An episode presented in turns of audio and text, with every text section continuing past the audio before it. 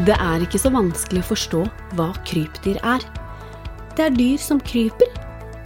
Det betyr at de har korte bein, eller ikke bein i det hele tatt, sånn som krokodiller, skilpadder og slanger.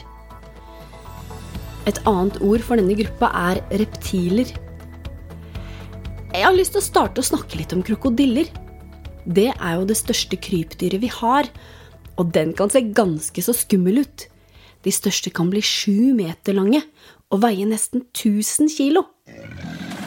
Den trenger ikke å spise så ofte, for når den først spiser, så spiser den mye. Noen krokodiller kan gå et helt år uten å spise. En annen ting med krokodillene er at de er vekselvarme.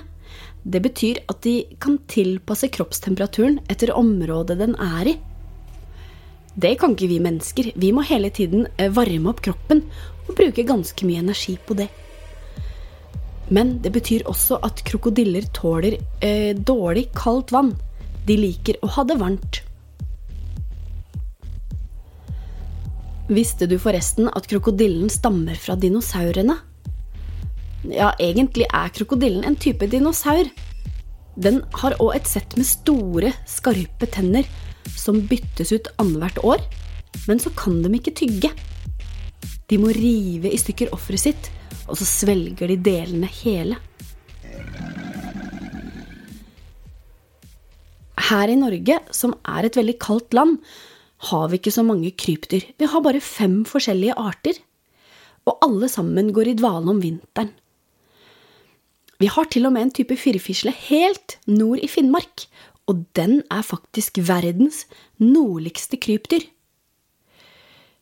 Stålormen er også et krypdyr. Selv om den har ordet orm i navnet sitt, så er det faktisk ikke en orm. Det er en type firfisle som ikke har bein. Og så har vi det krypdyret som kanskje er det mest fryktede dyret i Norge, nemlig hoggormen. Det er den eneste giftige slangen vi har. Når hoggormen biter, så er det ikke alltid den sender ut gift. Men hvis den gjør det, så kan det gjøre stor skade. Heldigvis angriper den ikke mennesker. Vi er altfor store til at den ser på oss som mat. Man må nesten tråkke på en hoggorm for at den skal bite oss.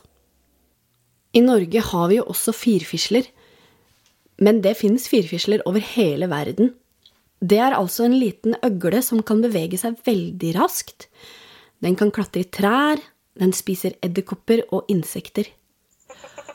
Og noe som er veldig morsomt, firfislene kan faktisk kaste sin egen hale. Hvis de blir angrepet og truet på livet, så kan de rett og slett kaste halen sin for å slippe unna. Rovdyret står da igjen med en sprellende hale, mens firfisla rømmer. Etterpå så gror det ut en ny hale. Det her kan den bare gjøre én gang i livet. Den nye halen kan den ikke kaste. Helt til slutt så må jeg bare snakke litt om en annen type øgle, nemlig den største øgla i verden. Den heter komodovaran og lever kun i Indonesia. Og den ser på en måte ut som en gigantisk firfisle. Den kan bli fire meter lang det er like langt som to voksne menn.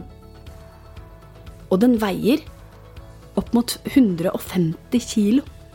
Se for deg å møte en sånn firfisle i hagen din. Den er ofte grå eller svartbrun, og så har den noen rødaktige flekker på seg. Den har lange klør på tærne og kan fange ganske store dyr, som f.eks. villsvin. Eller hjortedyr Komodovaran har også gift den kan bruke på byttet sitt. Noen forskere tror at komodovaranen starta myten om drager, for den ligner faktisk litt på en drage. Mangler bare vingene. Komodovaranen er sårbar for utryddelse, og både den og noen av områdene den bor i, er fredet. Nå vet du litt mer om hva krypdyr er, og du har fått kjennskap til noen arter. Neste gang skal jeg gå litt tilbake i tid og snakke om forhistoriske øgler, nemlig dinosaurene.